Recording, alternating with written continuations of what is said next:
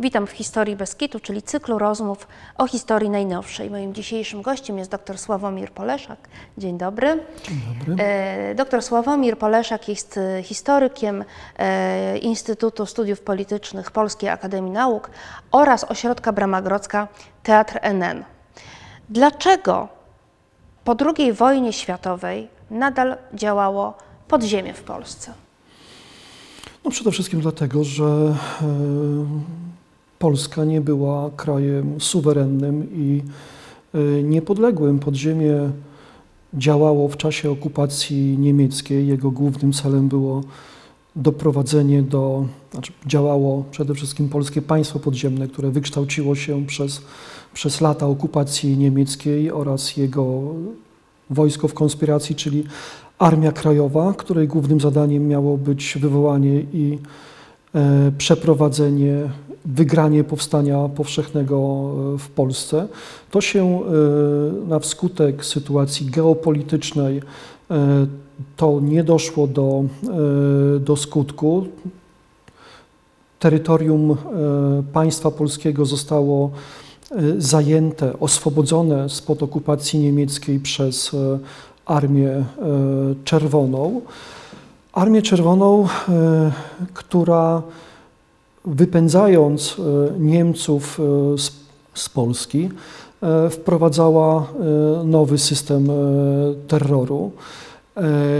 I absolutnie Związek Sowiecki nie był zainteresowany tym, aby w jego strefie wpływów istniało wolne, niepodległe, niezawisłe państwo polskie. Dlatego też ci wszyscy, którzy byli skupieni w polskim państwie podziemnym, w szeregach Armii Krajowej, e, byli dla e, Związku Sowieckiego i polskich komunistów, którzy tutaj byli instalowani e, do, do władzy, jako, byli postrzegani jako wrogowie, których należy zniszczyć, dlatego że byli zagrożeniem dla, dla komunistów. Dlatego też od początku, kiedy na terenie Polski pojawiły się, pojawiły się jednostki Armii Czerwonej, później NKWD, był przeciwko strukturom Polskiego Państwa Podziemnego i, i żołnierzom Armii Krajowej, był w, były prowadzone e, działania represyjne, które miały ich zmusić do tego, żeby, żeby zaniechali swojej działalności. Początkowo Sowieci uważali, że wystarczy aresztować e, dowództwo, a tak zwane doły uda się przekonać, zastraszyć i jak gdyby zniwelować ich, e, ich e, e, działalność. Okazało się to e, założeniem błędnym, dlatego też od października 1944 roku zaostrzono terror wobec e, szeregowych e, działaczy Polskiego Państwa Podziemnego, czy też żołnierzy Armii Krajowej. Zaczęły się masowe aresztowania a żołnie- schwytanych żołnierzy batalionów chłopskich, Narodowych Sił Zbrojnych, czy, czy przede wszystkim Armii Krajowej wywożono do, do łagrów na terenie e, Związku Sowieckiego. Ci wszyscy, ci wszyscy którzy, którym udało się uciec przed tymi e, przed tymi represjami, ukrywali się. Na początku, w tej drugiej połowie 1944 roku nie było możliwości na tym pasie wschodnim tak naprawdę prowadzić jakiejkolwiek e, działalności e, zbrojnej, dlatego że tutaj stacjonowała dwumilionowa armia czerwona, co uniemożliwiało e, działalność zbrojną. Natomiast w momencie, kiedy w wyniku ofensywy styczniowej z 1945 roku ta cała masa wojska sowieckiego ruszyła na, na zachód, to wtedy e, otworzyły się większe możliwości konspirowania i działalności zbrojnej na, na tym pasie Białostoczyzna, Mazowsze, Lubelszczyzna i tutaj lasy zapełniły się oddziałami, oddziałami partyzanckimi, które podjęły walkę z no, siłą narzuconym e, modelem komunistycznym. Rozpoczęto zwalczanie posterun- rozbijanie posterunków milicji obywatelskiej, e, zabijano działaczy Polskiej Partii Robotniczej, e, zabijano ludzi, których e, uważano za współpracowników nowej władzy, czy też donosicieli Urzędu, Urzędu Bezpieczeństwa Publicznego. Zatem na tych, na tych terenach ta y, wojna się w ogóle nie skończyła? No, tak jak e, pisano w, w niektórych e, sprawozdaniach e, struktur, struktur akowskich i oni uważali, że jedna okupacja została zas- zastąpiona przez, przez, drugą, przez drugą okupację, którą również trzeba po prostu e, zwalczać. E, te represje powodowały, że zapełniały się areszty działaczami niepodległościowymi. Te areszty były rozbijane przez, przez żołnierzy podziemia. E, Na podstawie badań e, przy przygotowywaniu Atlasu Polskiego Podziemia Niepodległościowego e, udało się oszacować, że te, przez te wszystkie struktury podziemia powojennego przeszło od 120 do 180 tysięcy ludzi. Natomiast w szczytowym okresie, w szczytowym okresie, czyli to jest gdzieś połowa 1945 roku, w polskich lasach walczyło między 13 a 17 tysięcy e, partyzantów e, skupionych w gdzieś około 340 oddziałach, e, oddziałach e, partyzanckich. I to jest pod- głównie ta wschodnia część Polski? to jest głównie tak, to jest głównie, głównie część e, wschodniej Polski w rozumieniu pojałtańskich, e, pojałtańskich granic, bo oczywiście oddział, oddzielnym e, rozdziałem jest e, działalność e, podziemia, bardzo aktywna działalność podziemia na tak zwanych, na terenie kresów, tak zwanych kresów wschodnich, które zostały włączone do litewskiej, białoruskiej, ukraińskiej socjalistyczny, socjalistycznych republik radzieckich. W tym podziemiu powojennym możemy powiedzieć, że, że, że wykształciły się takie trzy główne nurty, czyli jest to ru, ru, pierwszy nurt to jest to tak zwany nurt poakowski, który, który w, wykształcił się po e, rozwiązaniu Armii Krajowej w styczniu 1945 roku i tutaj ten nurt jest przede wszystkim reprezentowany przez delegaturę sił zbrojnych, a następnie przez Zrzeszenie Wolność i Niezawisłość. Drugi nurt to jest nurt narodowy, czyli narodowe, narodowe siły zbrojne, a przede wszystkim powstałe y, w listopadzie 1944 roku Narodowe Zjednoczenie y, Wojskowe. O ile nurt poakowski dążył do tego, żeby wygaszać konspirację zbrojną, walkę zbrojną, o tyle działacze narodowi y, nawoływali do, do nieprzejednanej walki zbrojnej z, y, z komunistami. Natomiast trzeci, trzeci y, nurt to jest tak zwany nurt organizacji lokalnych, czyli po prostu ci wszyscy, którzy którzy stracili kontakt z mm, podziemiem połakowskim najczęściej, organizowali się w, w, w, takich, w takich strukturach lokalnych. Tutaj mam na, na myśli między innymi e, konspiracyjne Wojsko Polskie kapitana Stanisława Sojczyńskiego Warszyca, które działało głównie na terenie województwa e, łódzkiego, częściowo poznańskiego i, e, i śląskiego, jak również Wielkopolską Samodzielną Grupę Operacyjną Warta e, pułkownika e, Rzewuskiego e, Hańczy i pomniejsze, i pomniejsze organizacje, organizacje lokalne. I to wszystko składa się na tą liczbę, o której wcześniej, o której wcześniej wspominałem. Jakie były dalsze losy tego podziemia niepodległoś, niepodległościowego? Czy ono było w taki sposób naturalny wygaszane, czy Tutaj, tutaj możemy mówić o, o różnych procesach, które, które zachodziło w tym, w tym podziemiu. Jak, jak, jak wspominałem, w nurcie, w nurcie był pomysł e, pułkownika Rzepeckiego na to, żeby wygaszać walkę, e, walkę zbrojną i przerodzić to podziemie poakowskie, przeobrazić je w taki ruch polityczno-społeczny, co się co się stało we wrześniu 1945 roku, kiedy powstało Zrzeszenie Wolność i, i Niezawisłość. I ten model konspiracji tego e, bez, bez, e, bez walki zbrojnej udało się wprowadzić na, na, na południu kraju, natomiast na ścianie wschodniej, czyli Lubelszczyzna i, i Białostoczyzna dalej działały oddziały, oddziały partyzanckie. One były oczywiście mniej liczne niż w 1945 roku, ale nadal prowadziły aktywne działania zbrojne w 1946 i jeszcze na początku 1947 roku. Przede wszystkim działalność podziemia Pałakowskiego była ukierunkowana na, ukierunkowana na e, wybory parlamentarne. E, Zgodnie z założeniami, postanowieniami konferencji krymskiej e, z lutego 1945 roku w Polsce miały zostać szybko przeprowadzone wybory parlamentarne, które miały rozstrzygnąć o kształcie politycznym przyszłego państwa polskiego.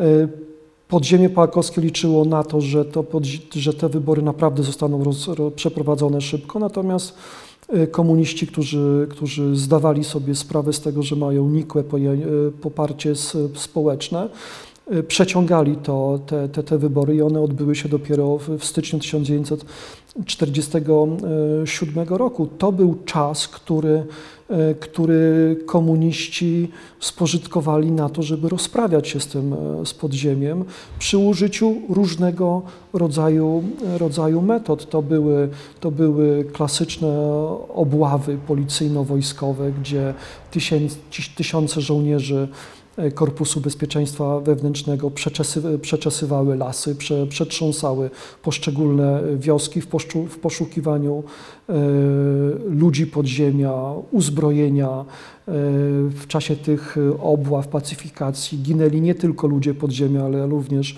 również przypadkowi ludzie. To była to kolejną, kolejną bardzo, bardzo ważną e, kwestią i metodą to było mm, to było przede wszystkim zinfiltrowanie tego, tego, tego podziemia, czyli osaczanie go poprzez wprowadzanie do jego, do, do jego struktur tajnych, tajnych współpracowników, pozyskiwanie, werbowanie działaczy, łamanie tych działaczy podziemia, którzy działali w, w danych strukturach, werbowanie ich jako tajnych pracowników i oni dalej pracowali w, tym, w tych strukturach podziemia już pod kontrolą funkcjonariuszy UB, dostarczając informacji na temat, na temat struktur podziemia, na temat ludzi, którzy działali w tym, w tym podziemiu, ułatwiając infiltrację, rozpracowanie, a finalnie albo rozbicie danej organizacji, albo, bądź też aresztowanie, aresztowanie głównych jego, e, jego e, przywódców. Może warto w tym momencie e, wspomnieć, że zachowały się dokumenty, prawda, Urzędu Bezpieczeństwa, które teraz są przechowywane przez Instytut Pamięci Narodowej i z tych dokumentów wiemy o metodach czy o skali infiltracji. Tak, oczywiście, oczywiście te dokumenty zachowały się w różnej mierze, jeśli chodzi o dane, o dane okresy.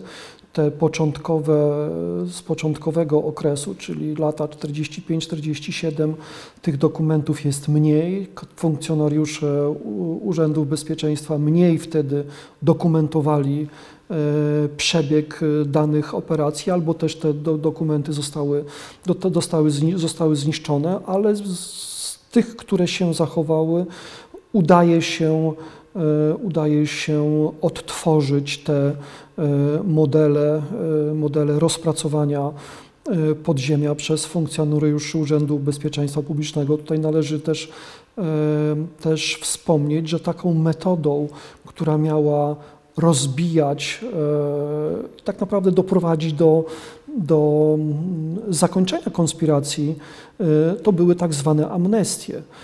E, Amnestie też były, to nie była, to nie była dobra wola komunistów, żeby dać e, tym ludziom wyjść z lasu, ujawnić się i normalnie żyć, tylko była to metoda, która miała pomóc przede wszystkim rozbić podziemie, bo ci, którzy się ujawniali, e, powodowali wyrwy w tych strukturach e, podziemia, ale przede wszystkim oni stawali się niesamowicie cennym kęskiem dla funkcjonariuszy Urzędu Bezpieczeństwa. Byli poza lasem, więc byli bezbronni, byli poddawani infiltracji, rozpracowaniu, byli przede wszystkim skarbnicą wiedzy dla funkcjonariuszy Urzędu, Urzędu Bezpieczeństwa. Czyli to nie było tak, że ci ludzie bezpiecznie wychodzili z lasu i mogli rozpocząć życie? E, Czy oni byli na przykład aresztowani? Obserwacja, obserwacja losów niektórych z tych ludzi pokazuje, że ujawniali się na przykład na, na podstawie amnestii z lata 1945 roku. Oczywiście część z tych ludzi normalnie żyła, miała w kartotece zapis, że, że, że pochodziła z tego, z tego środowiska i, i i była pod bacznym okiem e, funkcjonariuszy UB.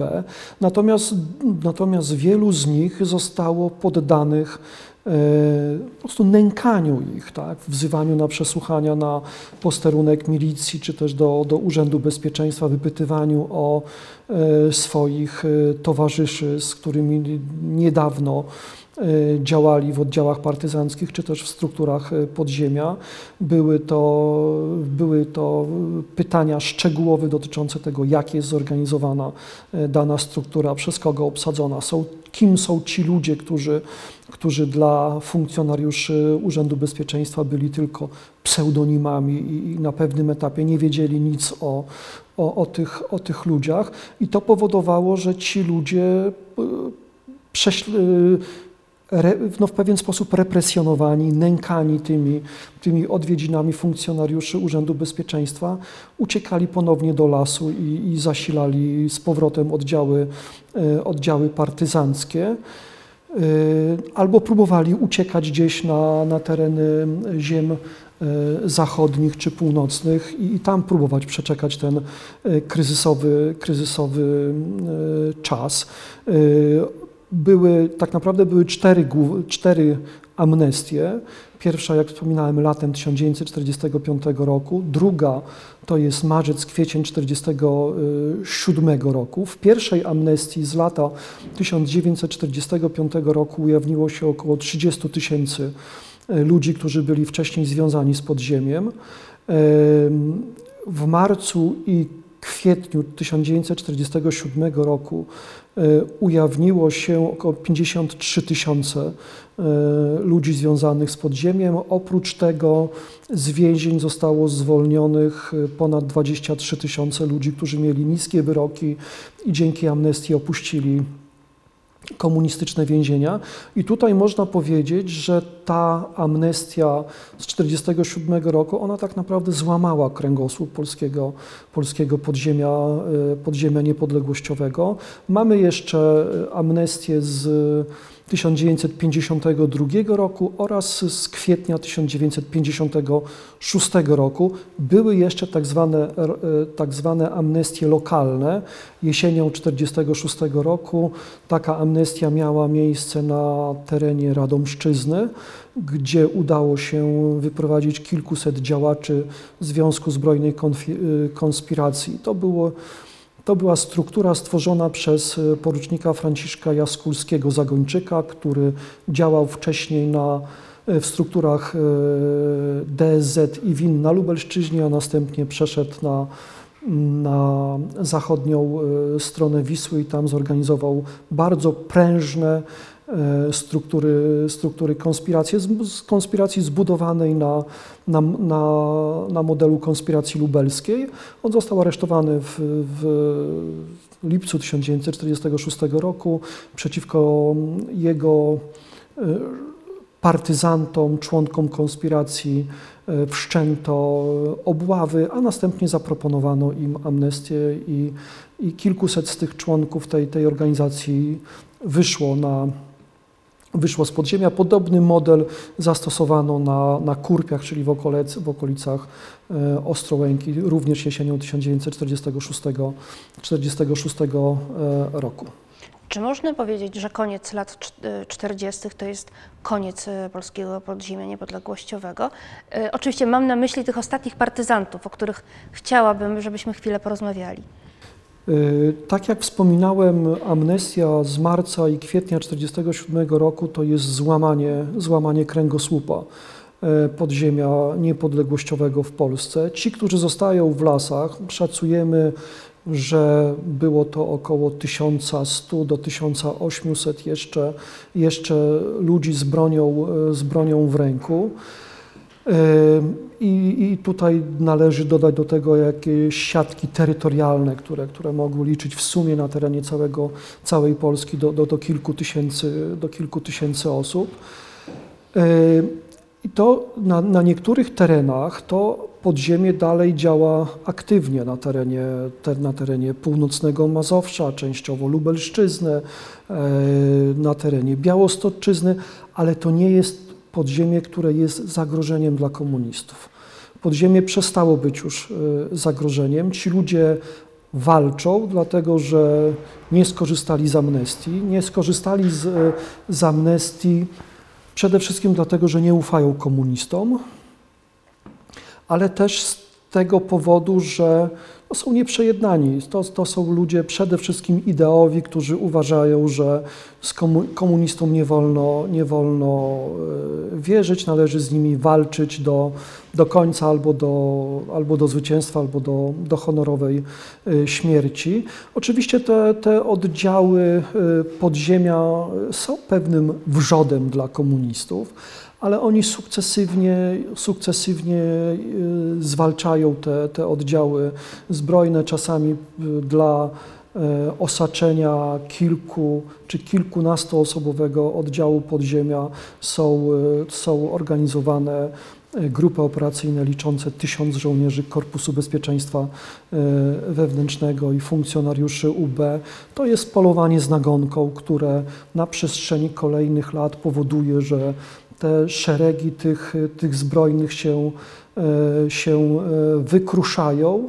No tak naprawdę symbolicznie w lipcu 1953 roku jest, jest rozbity e, ostatni oddział, oddział podziemia porucznika Wacława Grabowskiego-Puszczyka na, na, północnym, na północnym Mazowszu i po tym, po tym czasie istnieje jeszcze dwie, trzyosobowe y, grupy zbrojne. Jedna na terenie Rzeszowszczyzny, to jest, to jest grupa Józefa Cieśli Topora, a w okolicach y, Łomży jest to grupa y, Stanisława, podporucznika Stanisława Marchewki Ryby, który jest też bardzo ciekawą postacią. Zresztą ten oddział jest bardzo, jest bardzo ciekawy i, i też pokazujący, jak, jak skomplikowane były losy tych, tych ludzi. Ta grupa powstała na początku 1950 roku. Na początku liczyła tylko dwie osoby.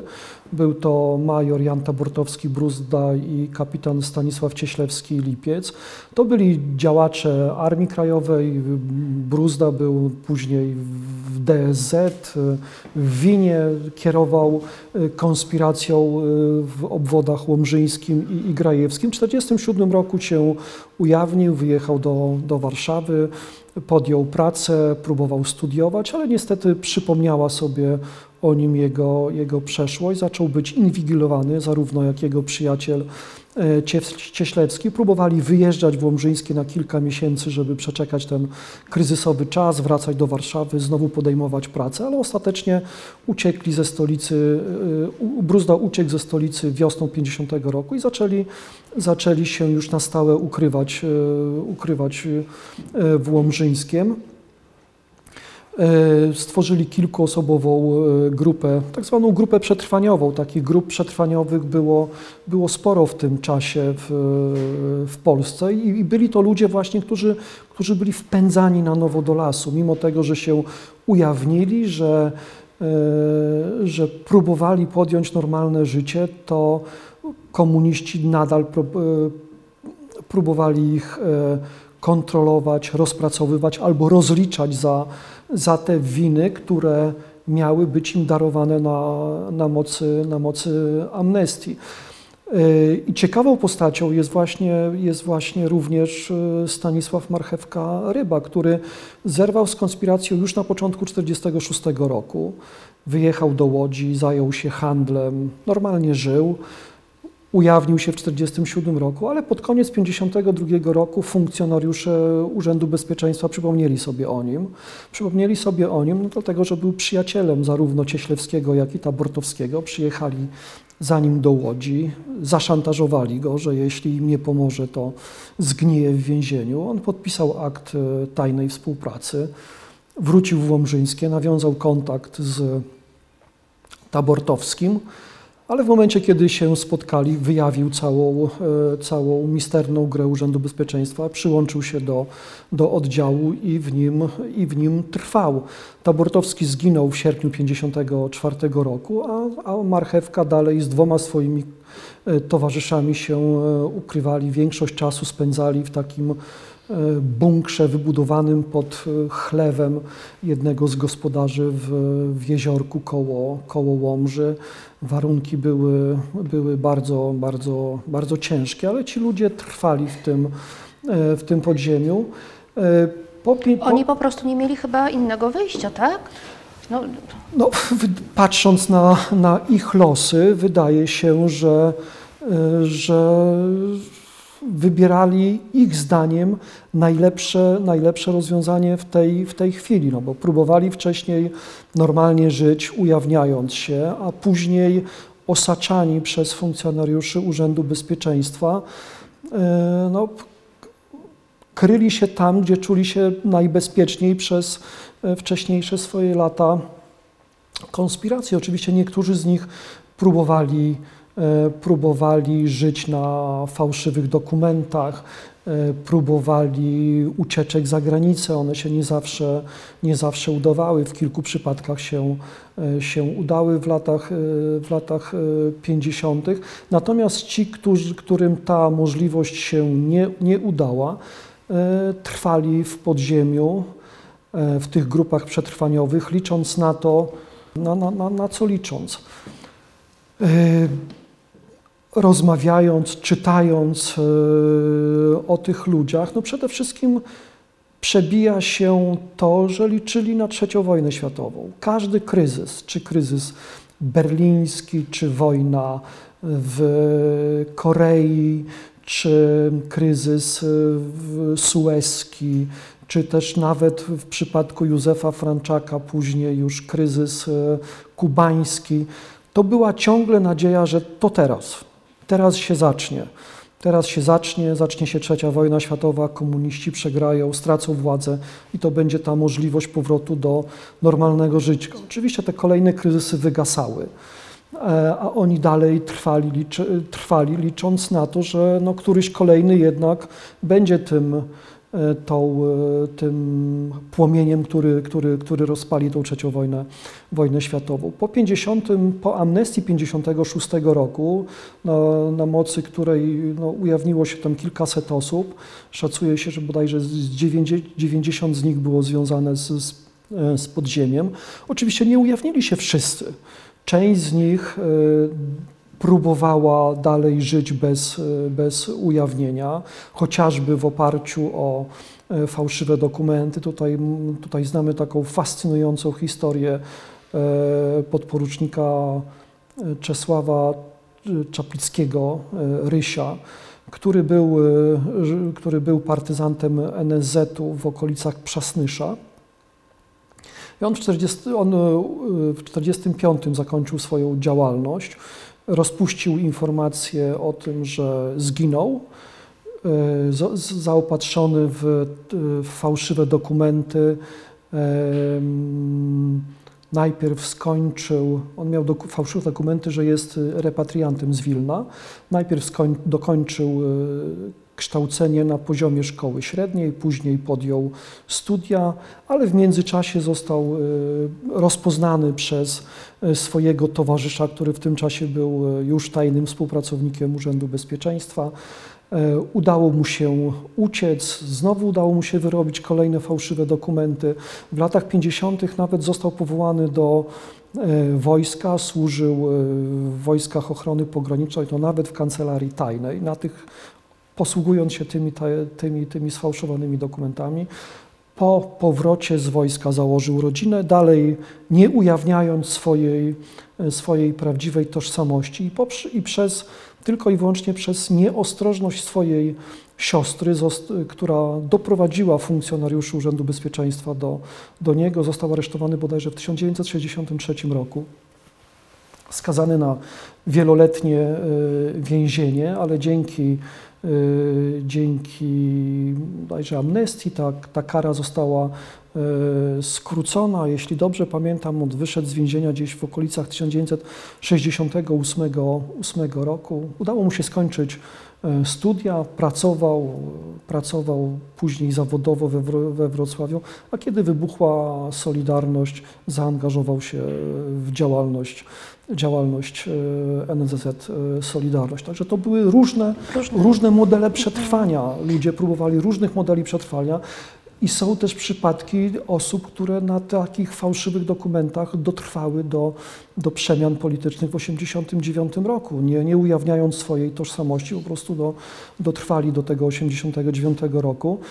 Po 1956 roku na pewno ukrywa się co najmniej kilkadziesiąt osób z, y, z takich działaczy podziemia, którzy ukrywają się z, z bronią w ręku, to jest no, 8 osób. Tak? To, są te, to, są te, y, to jest ta grupa trzyosobowa marchewki i jeszcze kilku, jeszcze kilku y, innych. Grupa marchewki dotrwała tylko do marca 1957 roku.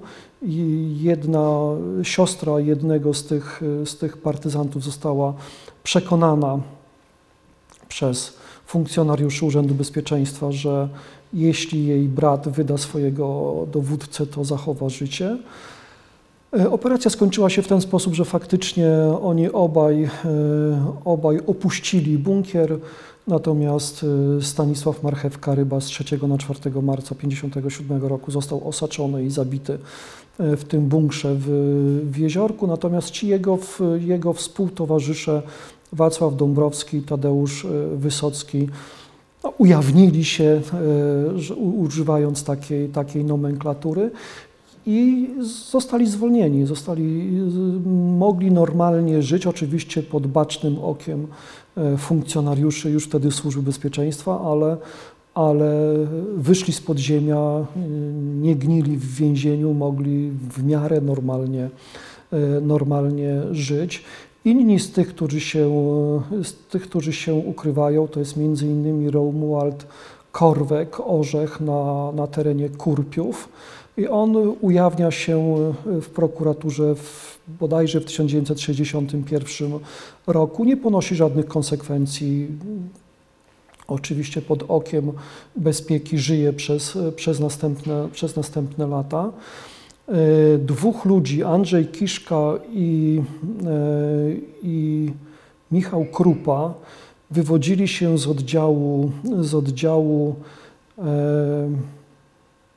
Adama Kusza Garbatego, który, który działał na pograniczu województw lubelskiego i, i rzeszowskiego i po rozbiciu tego oddziału w 50 roku oni tak naprawdę przez następne lata ukrywają się e, samotnie. E, Andrzej Kiszka potrafił w wykopanym przez siebie bunkrze, świetnie zamaskowanym w lesie, e, prze, prze, przesiedzieć całą zimę przez, przez kilka miesięcy. Tak jak spadał pierwszy śnieg, on wchodził do tego bunkra i, i wychodził z niego praktycznie, kiedy zaczynały się roztopy, żeby nie, nie zdradzać śladami w śniegu swojej, swojej tam bytności. Miał Jak ci zaopatrzenie. ludzie żyli? To znaczy skąd oni To nie było jedzenie, życia, to, to, to, była, to, była, to była wegetacja tak naprawdę w straszliwych, spartańskich warunkach.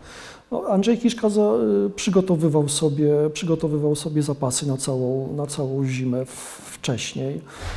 E, Jego towarzysz Michał Krupa ukrywał się bardziej, bardziej po takich e, zaufanych, e, zaufanych swoich gospodarzach. Michał Krupa został aresztowany w lutym 1959 roku. Po prostu ktoś do siedziby SB w, w Rzeszowie zadzwonił i powiedział, że jest tu i tu. On się, te zabudowania zostały otoczone. On się ukrywał bodajże w Kulnie. Zostały otoczone, on nie walczył, e, poddał się, dlatego że były małe dzieci w obejściu. Powiedział, że z jego późniejszych wspomnień wynikało, że nie chciał narażać tych, tych ludzi na, na śmierć e, i, i po prostu wyszedł, poddał się. Został osądzony, skazany na wieloletnie więzienie. Z tego, co, Z tego co pamiętam, on wyszedł pod koniec lat e, 60., a zmarł gdzieś na początku lat e, 70. Andrzej Kiszka e, trwał w tym bunkrze, w, w tych lasach w okolicach Biłgoraja aż do grudnia 1961 roku. E, Został wydany przez jednego ze swoich najbliższych współpracowników, który, który w przebraniu milicjanta doprowadził grupę operacyjną do miejsca, gdzie znajdował się ten, e, ten bunkier i, i bun, właz do bunkra został, został e, odkryty. Andrzej Kiszka został wyciągnięty z tego bunkra. Jak sam później w wspomnieniach podkreślał, wtedy już mógł się poddać, bo wiedział, że tak nie biją tak strasznie jak w latach wcześniejszych. To też mamy wskazówkę, czego ci ludzie się bali, prawda, ukrywając się przed funkcjonariuszami Urzędu, Urzędu Bezpieczeństwa. Józef Franczak dotarł, dotrwał do No października właśnie, Józef Franczak 63 zwany ostatnim partyzantem. Tak, tak, tak jest e, symbolicznie nazywany. Zginął, jako, zginął z bronią w ręku, tak, jako, jako, ostatni, jako ostatni partyzant 21 października 1963 roku, też wydany przez związaną z nim osobę, bo był to, był to brat stryjeczny jego narzeczonej matki, jego, jego syna. E, Został osaczony w, w zabudowaniach e, Majdanu Kozic Górnych. Podjął próbę przedarcia się przez, e, przez obławę w, w, czasie, w czasie tej ucieczki. Został przeszyty serią z, z Kałasznikowa i, i zmarł. Prokurator, jeśli dobrze pamiętam, prokurator rejonowy podjął decyzję o tym, żeby, żeby odciąć głowę Józefowi Franczakowi. Czemu? Co to był za pomysł? Za, y, argumentowano to tym, że, że Józef Franczak y, posiadał e, sztuczne zęby i że to będzie dowód w sprawie przeciwko stomatologom, którzy mu te zęby wstawiali. Oczywiście zakończyło się, nie, nie zakończyło się to y, żadnymi nieprzyjemnościami dla, dla, dla stomatologów. Oni nie zostali e, wykryci przez, przez Służbę Bezpieczeństwa, natomiast ta, ta głowa została wymacerowana, przez jakiś czas przebywała, była przechowywana w zasobach Służby Bezpieczeństwa, a, a później została przekazana do Akademii Medycznej w Lublinie, gdzie e, studenci po prostu uczyli się anatomii na, na, na jej, na jej, w oparciu o, o, o, o, ten, o ten artefakt medyczny, użyjmy takiego, użyjmy takiego sformułowania. Ale warto wspomnieć, że bardzo długo nie było wiadomo właściwie, gdzie jest ta głowa, tak? Tak, dopiero do poszukiwania pracowników Instytutu Pamięci Narodowej w, w Lublinie doprowadziło ostatecznie, że ta głowa została, czaszka została e, odnaleziona, a po potwierdzeniu e, badaniami DNA została, została dochowana do, do tych doczes- doczesnych szcząt, szczątków e, Józefa Franczaka. Tutaj jeszcze jest e, można dopowiedzieć, że po odcięciu tej, tej, tej głowy z, zwłoki Józefa Franczaka zostały zakopane w bezimiennej mogile przy, na cmentarzu przy ulicy e, Unickiej w Lublinie.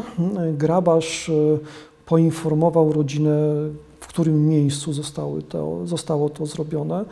Siostry rozkopały tą, tą mogiłę i ziden- zidentyfikowały e, zwłoki swojego brata, po czym one zostały ponownie zakopane i dopiero odkopane już, już na początku lat 80., bodajże w 1983 roku, siostry ponownie rozkopały tą, ten, to miejsce pochówku, wydobyły, wydobyły szczątki swojego, swojego brata i, i złożyły je w grobowcu rodzinnym e, na cmentarzu w Piaskach. No i tutaj należy jeszcze wspomnieć o, o ostatniej osobie, która ukrywała się bardzo, bardzo długo, bo od 1955 roku był to Antoni Dołęga-Znicz, który wcześniej działał w strukturach Zrzeszenia Wolność i Niezawisłość, a później w strukturach po prostu Powinowskiego Oddziału Zbrojnego na terenie powiatu e, łukowskiego. W 1955 roku część jego ludzi się ujawniła, część została zabita w operacjach, w operacjach Korpusu Bezpieczeństwa Wewnętrznego. Jemu udało się ocaleć i od 1955 roku ukrywał się bodajże do, do lata 1982 roku, to tutaj jest nie do, nie do końca pewna, pewna data. Ukrywał się przede wszystkim, korzystał z, z dobrego serca z ludzi, którzy go wspierali, którzy go przechowywali na, u siebie na, na swoich, w swoich zabudowaniach. On w 1946 roku nieszczęśliwie postrzelił obie nogi z, z, ze swojej broni.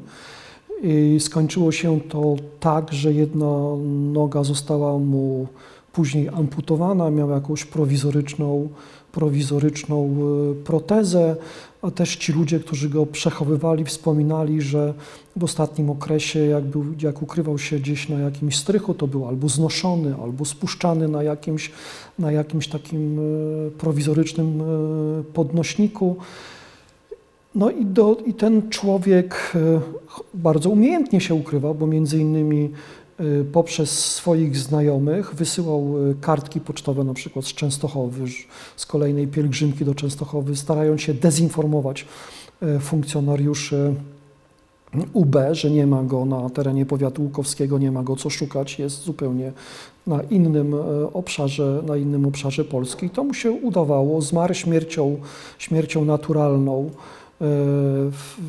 właśnie latem bodajże 1982 roku. Został, został e, zakopany gdzieś niedaleko w lesie, w bezimiennej mogile.